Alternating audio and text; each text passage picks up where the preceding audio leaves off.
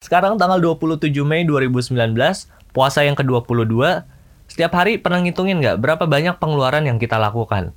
Kadang kalau nggak dihitungin, tahu-taunya anggaran yang udah disiapin buat mingguan atau bulanan udah habis gitu aja.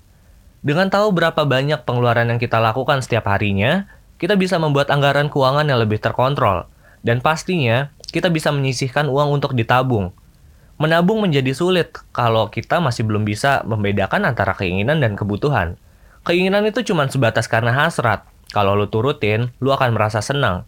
Dan kalaupun enggak, kelangsungan hidup lu akan tetap baik-baik aja. Berbeda dengan kebutuhan. Kalau tidak terpenuhi, kelangsungan hidup lu akan terganggu. Manfaat dari punya tabungan mungkin belum bisa dirasakan secara langsung, tapi nanti pas kalian menghadapi kondisi yang krusial, gue pernah ngalamin di mana sebuah tabungan bisa menyelamatkan masa depan pendidikan.